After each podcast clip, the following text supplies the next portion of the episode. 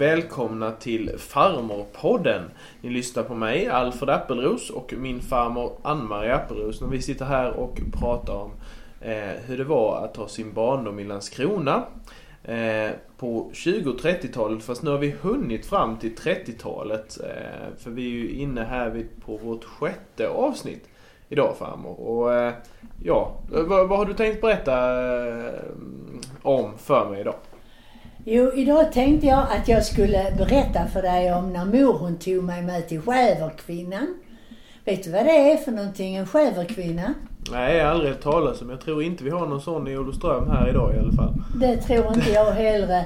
Men det var nämligen så här förstår du att eh, eh efter första världskriget så fick ju barnen ofta engelska sjukan. Det var, det var ju brist på mycket mat och och egentligen så det här med engelska sjukan det var ju en bristsjukdom på D-vitamin. Och det blev ju så att eh, det var många barn som föddes väldigt eh, hjulbenta och lite sned i ryggen eller kanske till och med kunde få en liten puckel på skulderbladet eller ryggen. Det hade ju med benstommen att göra, att den var kanske blev inte riktigt fullt utvecklad. Och eh, då så hade väl mor hört talas om att man kunde gå till en kvinna. Det var väl som vi sa för lite klok gumma. Eh, alltså hon skulle då smörja en för schäver. Mm. Och eh, ja, då så sa mor till mig en dag du och jag vi ska gå till schäverkvinnan med dig. Så det, men du får inte tala om det för far för han tror inte på detta förstår du. Så att eh, det var lite hemligt när mor hade klätt upp mig och vi promenerade Föreningsgatan fram och kom till, jag tyckte det var bortåt Suelsgatan, Artillerigatan, Suelsgatan. Det var en fru som hette fru Knutsson där som smorde för skäver. Och jag kan precis se hur det såg ut hos henne. För när jag kom in i rummet så var det en stor brun soffa sån här som vi hade hemma med trä och så klädd med skinn. Och där fick jag sitta. Och då kom hon fram till mig och kände på mina armar och mina ben. Och sen hade hon smörja som hon smorde runt handleder, armbågar smalben och knä. Och jag tycker jag har för mig att hon även hade någon sorts vita remsor, om det var tyg, som ja, hon eh, band om. Sedan fick jag ett glas med eh, något att dricka som såg ut som lemonad. Men det smakade inte lemonad. Det var inte alls så gott. Och det var i alla fall som det porlade i det. Och så fick jag en kringla. Men äh, den var inte heller så god, inte så god som mors smålandskringlor. Men jag satt där i soffan och, och äh, åt på min kringla. Och mor gick och pratade med fru Knutsson och kanske betalade henne lite mm. då. Och sen var proceduren över. Och så skulle vi promenera hem. Och du vet när vi kom hem då så lagade mor middag och Far kom ner från sin skrädderiverkstad och satte sig till bords. Jag hade min plats precis på långsidan vid sidan om far. Han satt på kortsidan. Och när han tittade på mig så sniffade han med näsan. Och det var väl de här örterna, för det luktade ju väldigt konstigt ja, omkring mig med alla dessa örter och salvor. Och så tittade han bort på mor och på mig igen. Och så riste han på huvudet. Men jag kan inte minnas att han kommenterade, inte då i alla fall. Jaha, eh, så detta skulle då hjälpa mot det här engelska sjukanaktigt. Tyckte du att, hjälpte det dig någonting? Det här, de här örterna? Nej, nej, jag hade ju ingen engelska sjuka. Det var bara det att jag var en lång och smal flicka. Fast jag bara var fem år så, så var jag ju lite smal och jag hade ofta ont i halsen. Jaha. Men att jag hade ju ingen engelska sjuka. Men sen köpte ju mor, började hon att köpa eh, fiskolja, eh, sån här, eh, ja de sa faktiskt nu ska du dricka levertran, sa de. Mhm. Och det var, men sen det jag fick, det hette Gracinol och det innehöll både fiskleverolja och eh, kalk. Ja, Och det fick jag hålla på att dricka eh, under min skoltid sen. Men att jag tyckte inte jag var särskilt mycket sjuk. Men jag hade besvär med mina halsmandlar. Och då vet jag, ett år efter jag hade varit hos den här schäferkvinnan, då gick vi upp på lasarettet och jag fick eh, operera bort mina halsmandlar. Och var, låg sjuk sedan några dagar efter det. Men, men jag låg hemma. Jag fick följa med hem med detsamma. Och eh, sedan har jag egentligen varit ganska så bra i min hals alltid för jag har aldrig blivit svullen. Utan möjligtvis lite hes någon gång. Så det hjälpte nog bättre än vad schäferkvinnan. Ja, jag tror nog med det. Vi får nog tacka operationen och inte Ja, då, schäferkvinnan för det det. var en duktig doktor som hette doktor Lund som opererade mig. Ja, ja, där ser man. Det var Ja. verkligen lite annorlunda mot vad vi har idag. Om man skulle få ont i halsen. Ja, just det. Jo då. Och så, det var i alla fall handlade om schäferkvinnan och du vet det fanns ju många sådana kvinnor som var lite kunniga på detta med, med örter och kryddor och Ja, ja, så kloka gummor. ja, Sådär. ja. Men, Ja. men eh, denna tanten hon var i Landskrona och hjälpte till där.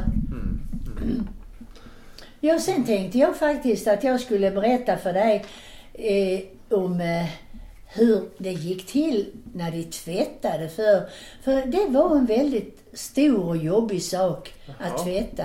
Det, var Du inte, det var inte riktigt som nu då alltså. Man trycker på en knapp. Du menar att det var Nej. lite annorlunda eller? Nej, jag, jag trycker ju på en knapp här och sen går jag upp och lägger mig och vilar middag. Och eh, när jag har vilat mig så är tvätten färdig. Ja. Och så att eh, nu ska du få höra hur det gick till när min mor tvättade. Och vi fick hjälpa till. Vi kunde säga att det började ju redan kanske på måndag då hon la ner tvätten. Hon hade sin tvättstuga ute på gården. Ner där, där jag har berättat att det var eh, vedbodar och utedassen. Där var hennes, eh, ja man ska ju inte säga hennes, men det var ju hon som så skötte om tvätten och far jobbade eh, med sitt skrädderi. Men han hjälpte ju till mycket med eh, tunga saker. Mm. Bland annat då så fanns det ju denna tvättstuga som bestod av en stor inmurad eh, eh, tvättgryta där man kokte tvätten. Sen var den inmurad i sten. Mhm. Så var det stora kar med järnbeslag runt. Var runda kar. Det la man i blöt tvätten och sköljde tvätten i dem. Sen var det en bänk där man hade några kar som man kunde tvätta mattor i och så hade man en tvättbräda som när man hade tvättbrädan och hängde då den smutsiga tvätten på Ja. tvättbrädan så skurade man med en borste. Jaha. Ja, ja. Men om vi nu börjar på måndagskvällen så la hon då den eh, vita tvätten i blöt. Alltså handdukar och Mm. lakan och allt detta först och främst. Och sen på morgonen tidigt så gick ju far upp och satte eh, fyr, som man sa. Man satte fyr under grytan. Jaha, ja, de fick elda Ja, där. man eldade där. Och, och sedan så gick hon ju ut då och kokte tvätten och då hade hon ju en lång spade eller någonting som hon kunde vända tvätten med där i grytan. Och sen skulle man lyfta den lakanen och handdukarna och allt detta över sedan när det hade kokt ju till ett sådant runt stort kar. Det kallades läggekar. Jag vet inte var det kom ifrån men det, där la man ner tvätten till att skölja så det har fyllt med kallt vatten då. Sedan när man hade gjort det och sköljt några gånger så skulle man vridat ur vattnet. Och då fanns det en speciell vridmaskin som man fäste på det här eh, eh, träkaret. Mm. Och då var det en då, då fick ju ofta mina systrar och till och med när jag blev lite större så fick man hjälpa till att mata in i den här och så vred man eh, den här maskinen så att vattnet pressades ut. Jaha, det liksom klämde ur Det vattnet. klämde ur vattnet, ja. Och sedan då när man hade gjort det så var ju, var ju eh, det, lägga det i en stor mangelkorg. Mm. Och det fick man ju då bära ut. Var det sommar så hängde man ju det ute i trädgården. Och var det vinter så fick man med sand bära det ända upp på vinden där far hade sitt skrädderi. Mm. Och det var ju en liten brant trappa upp där så det, det var tungt att gå med den tvätten. Ja, ja. Men då kom alltid far och hjälpte till att bära. Och sedan var det ju den kulörta tvätten Ja. som tvättades efter den vita tvätten ju. Just det. Och det tog ju hela tisdagen att tvätta. Och då så skulle det ju hängas på, eh, sitt, på sina linor som hängde ute i trädgården. Det som var kulörtvätt och... Så det blev liksom flera omgångar tvätt ju. Mm. Så det kanske inte var färdigt förrän på onsdagen. Med alltihopa det tvättandet ju. Mm. Och sedan när det hade torkat och då skulle vi lägga lakan. Okej. Det vet du, jag har lärt dig här hur man lägger lakan. Ja, just Ja. det. Jo, då det skulle vikas och det skulle vara speciellt och fina kanter och rullas ihop. Och sen la man ner efterhand som man hade vikit lakan. Vi var ju många förstår du. Och underlakan och överlakan och örngott och Mm. handdukar. Så la man ner det i mangelkorgen. Ja. Och det blev en ganska tung mangelkorg. Sen var det ju tid att man skulle mangla allt detta. ja, det. Fint och snyggt skulle det manglas så det fick ligga fint i linneskåpen. Men eh, vi hade ju ingen mangel hemma. Utan när jag var så här liten som fem sex år, då minns jag vi gick till något som heter Mangelboden. Jag fick ju följa med för jag tyckte det var roligt att titta eh, när då var far med och hjälpte till att bära mangelkorgen. Och den eh, mangelboden den låg borta på Östergatan. Och till början med så var det en stor mangel med ett stort hjul som far fick stå och dra mangeln och den var ju tung med tu, eh, tunga rullar under till som höll upp mangeln Mm. medan man, eh, man la på eh, tvätten på rullarna Ja, ja, ja. och sen körde den fram och tillbaka. Mm. Men jag minns att det var inte så många år till så vi hade ju en Konsumaffär. Det var ju Konsum, men det kallades i Landskrona för Ringen. Och de satte upp en elektrisk mangel i en källare där under affären. Och då fick vi lite närmre och vi fick elektrisk mangel. Så då bara tryckte man ju på en knapp och så gick ju mangeln av sig själv fram och tillbaka.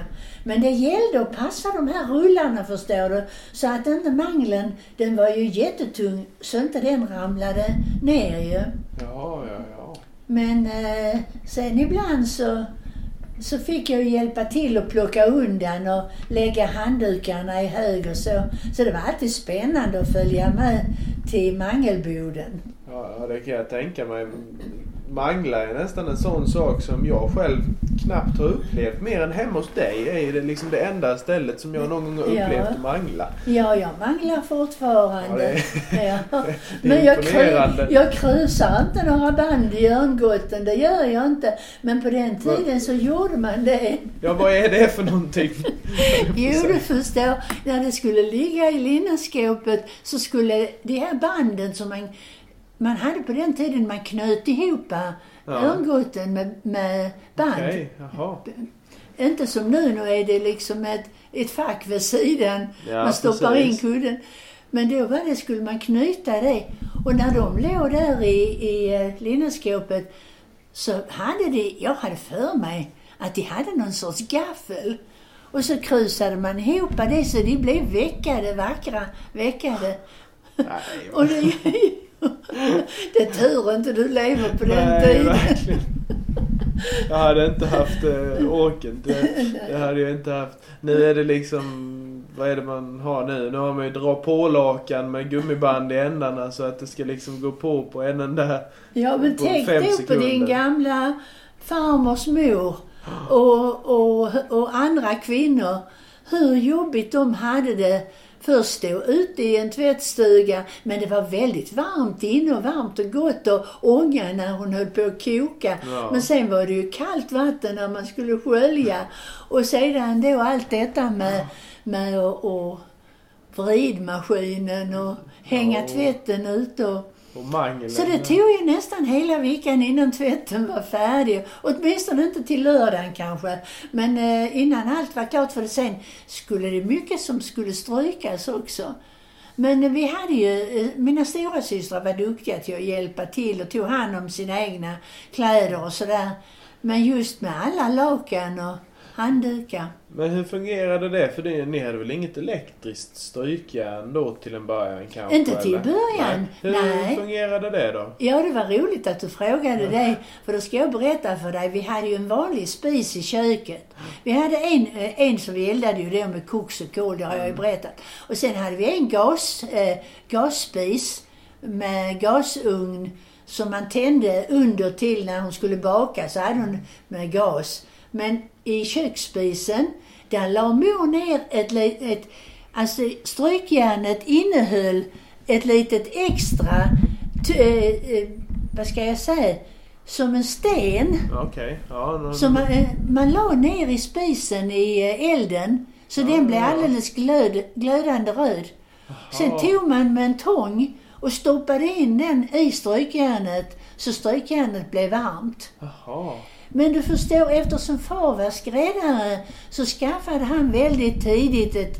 Eh, han hade stora tunga pressjärn först. Mm, Och jag kommer ihåg det, han hade ju spis och gas där uppe. Men sen skaffade han elektriska pressjärn. Jaha. Men det var nog eh, inte så tidigt för då hade han nog eh, som han värmde på spisen. Mm. Ja. Så man värmde också, man satte tillbaka, när, när man strök så satte man tillbaka strykjärnet på spisen. Mm. Så man bytte ju inte den här glödheta trekanten som det var någonting, Nej, nej, nej. Stenen, utan eh, man satte det och värmde det Ja. på spisen. Ja. På, ja. Sick, sick. Men det måste varit svårt också. Brände man inte kläder och sådär? För jag menar, jag tänker ju, hur fungerar det för mig idag? Jo, men jag kollar på min lilla tvättlapp på kläderna. Där står det man ska ha en prick eller två prickar på strykjärnet. Ja, För ja. att få olika temperaturer och sådär. Det måste ju varit jättesvårt. att liksom, Ja, det kunde man ju inte bestämma själv Nej. ju. Nej då. Nej. Nej då, det var ju likadant om jag ska bara inflika det. Det hör ju inte till tvätten precis men man hade ju något som man kallade, i Landskrona så sa vi kryltång. Alltså det var en locktång Ja, ja, ja. som eh, eh, vi gjorde oss fina i håret. Ja. Ja, inte jag så mycket som var så liten. Det var bara om jag skulle på något kalas, då kunde de eh, locka mig lite i öronen så håret skulle vara fint. Och, eh, men då la man ju den också på eh, gasen. Så den blev het som sjutton och man, man höll ju på att bränna öronen ibland ju när man... Ja. Men i alla fall så, så eh, vet jag att det där med stryka, det var ju jag klart inte med på så mycket då när jag var så liten, men jag kommer ihåg hur de gjorde ju. Ja, och det var nog som du sa, de brände kanske en hel del på sina blusar och, och Ja. sådant. Det var ju. Men sen var det andra kvaliteter förstår du. Ja, ja, Det var inte de konstfiber och sånt som det är nu senare ju. Nej, nej. Jo då. Ja, det Men så, så, och, och du förstår, jag tyckte så synd om min mor. För när hon hade tvättat så ute så sprack ibland knogarna på henne som, eh, som hon arbetade och det frös och så jag kommer så väl ihåg hur hon hade sprickor på sina händer. Och då fick jag springa bort till Scharins färghandel och köpa något som hette sprit, glycerin och rosenvatten. Och då smorde Okej. hon händerna med det. Men eh, jag såg ofta att det var självsprickor på hennes knogar. Så det var inte så Det var inte lätt. så lätt var det inte. Ja. Så eh, gick det till med en tvätt, så det var inte bara att gå och vila middag och tvätten är färdig nästan, bara hänga upp. Nej, det var verkligen annorlunda. Ja. Eh, var det något mer du ville berätta idag farmor? Eh, vi hoppar ju lite mellan lite olika saker men du har flera roliga spännande historier där. Ja. Eller ska vi spara lite till nästa gång? Jag vet att vi ska prata lite lördag och söndag här vid så småningom. Ja, men vi kan, ju, vi kan ju prata kanske lite. Jag ska åtminstone berätta en sak som jag har glömt. Och det var när jag såg det första flygplanet. Ja. Och då kommer jag ihåg att mina systrar kallade på mig. eh, Jag var, var väl inte heller då mer än kanske fyra år eller något sånt där. Kom ut och titta Ann-Maj, ska du få se, det kommer ett flygplan. Och då var det ett reklamflyg. För jag kommer så väl ihåg att det var en stor bindel efter flygplanet. Och där stod någonting, köp persil. Och persil, det var just det man använde när man tvättade. Det var ett tvättmedel. Men det var det första flygplanet jag såg. Det var ett reklam och det var ett eh, sånt där eh, vanligt mm, med motor och Propellerplan. propellerplan. Ja, just det ja. Men vi hade ju också en väldigt duktig man i, i eh, Landskrona som hette Enoch Thulin. Han var ju en pionjär på flygplan och var med och byggde, och byggde upp fabriker och hade utbildning till flygare. Men eh, tyvärr så eh, omkom han i en flygolycka. Jag tror det var i maj 1919 Mm. som han eh, störtade över Landskrona. Jaha. Men eh, Tullinverken, den stora eh, fabriksbyggnaden, den fanns kvar när jag flyttade ifrån där och, och eh, det var många som hade sina arbete där. Men jag vet inte, de gjorde ju inte till flygplan kanske då senare under kriget och se, under andra världskriget. Men eh, det var spännande när man fick se sitt första flygplan också. Ja, det kan jag tänka mig. Ja. Det hängde ihop lite med tvätten där med. Ja. Ja. Och kanske jag också skulle berätta för dig, eh, som jag också har tänkt på. Det, vi pratade om affärer förra gången. Mm. Och då glömde jag berätta för dig om eh, Järnvägsgatan nere i centrala stan. Ja. Där fanns alla sorters affärer. Det var så roligt att gå på den gatan. För det var ju ostaffär Mm. och smöraffär Mm. och hattaffär. Och ja, det var alla olika sorter. Men en affär som jag tyckte var spännande när jag var liten, det var smöraffären. Jaha. Den hette Palma. Okej. Och då köpte man smör i, eh, i lösvikt, alltså den låg inte paketerat. Utan när man kom in där så luktade det så friskt och gott. Jag tror de sålde lite annat också. De sålde nog lite eh, kex och sånt har jag för mig. Men riktigt allt, det kommer jag inte riktigt Nej, ihåg. nej. Men just detta här med smöret. Det var två stora tunnor. Jag tror det var margarin i den ena och smör i den andra tunnan.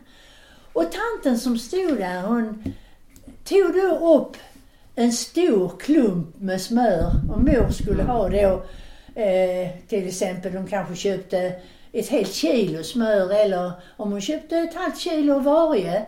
Mm. Så klappade man själv till smöret så det blev en eh, sån eh, rektangulär eh, Ja, ja, Bit. litet block då och då ja. skulle du se mig när jag stod där och var liten och nådde precis upp till med näsan över kanten på disken. ja. Och jag hade lugg och, och ljust rakt hår och lugg.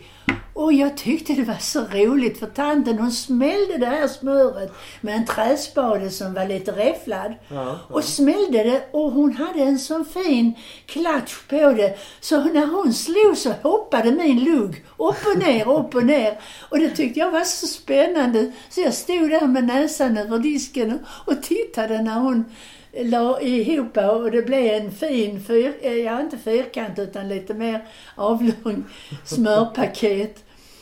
Så, sådana där små bagateller, det är lustigt att man, man kommer ihåg det. Ja, Precis känslan när jag var där inne och att det alltid luktade så friskt och gott där inne. Men det är det som gör det lite roligt, just det där med Ja, det är de hoppa. minnena som sitter kvar. Ja, ja. Ja. Nej, det är, det är intressanta minnen verkligen. Jag har inte varit med om att min lugg har hoppat i en smöraffär. hittills i alla fall. Och inte Skävekvinnan för den delen heller. Nej, det, det tror jag inte du behöver heller. Du lever sunt och ordentligt, ja.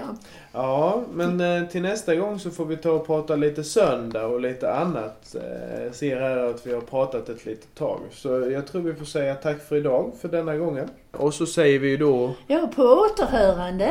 tack för idag. Hej då!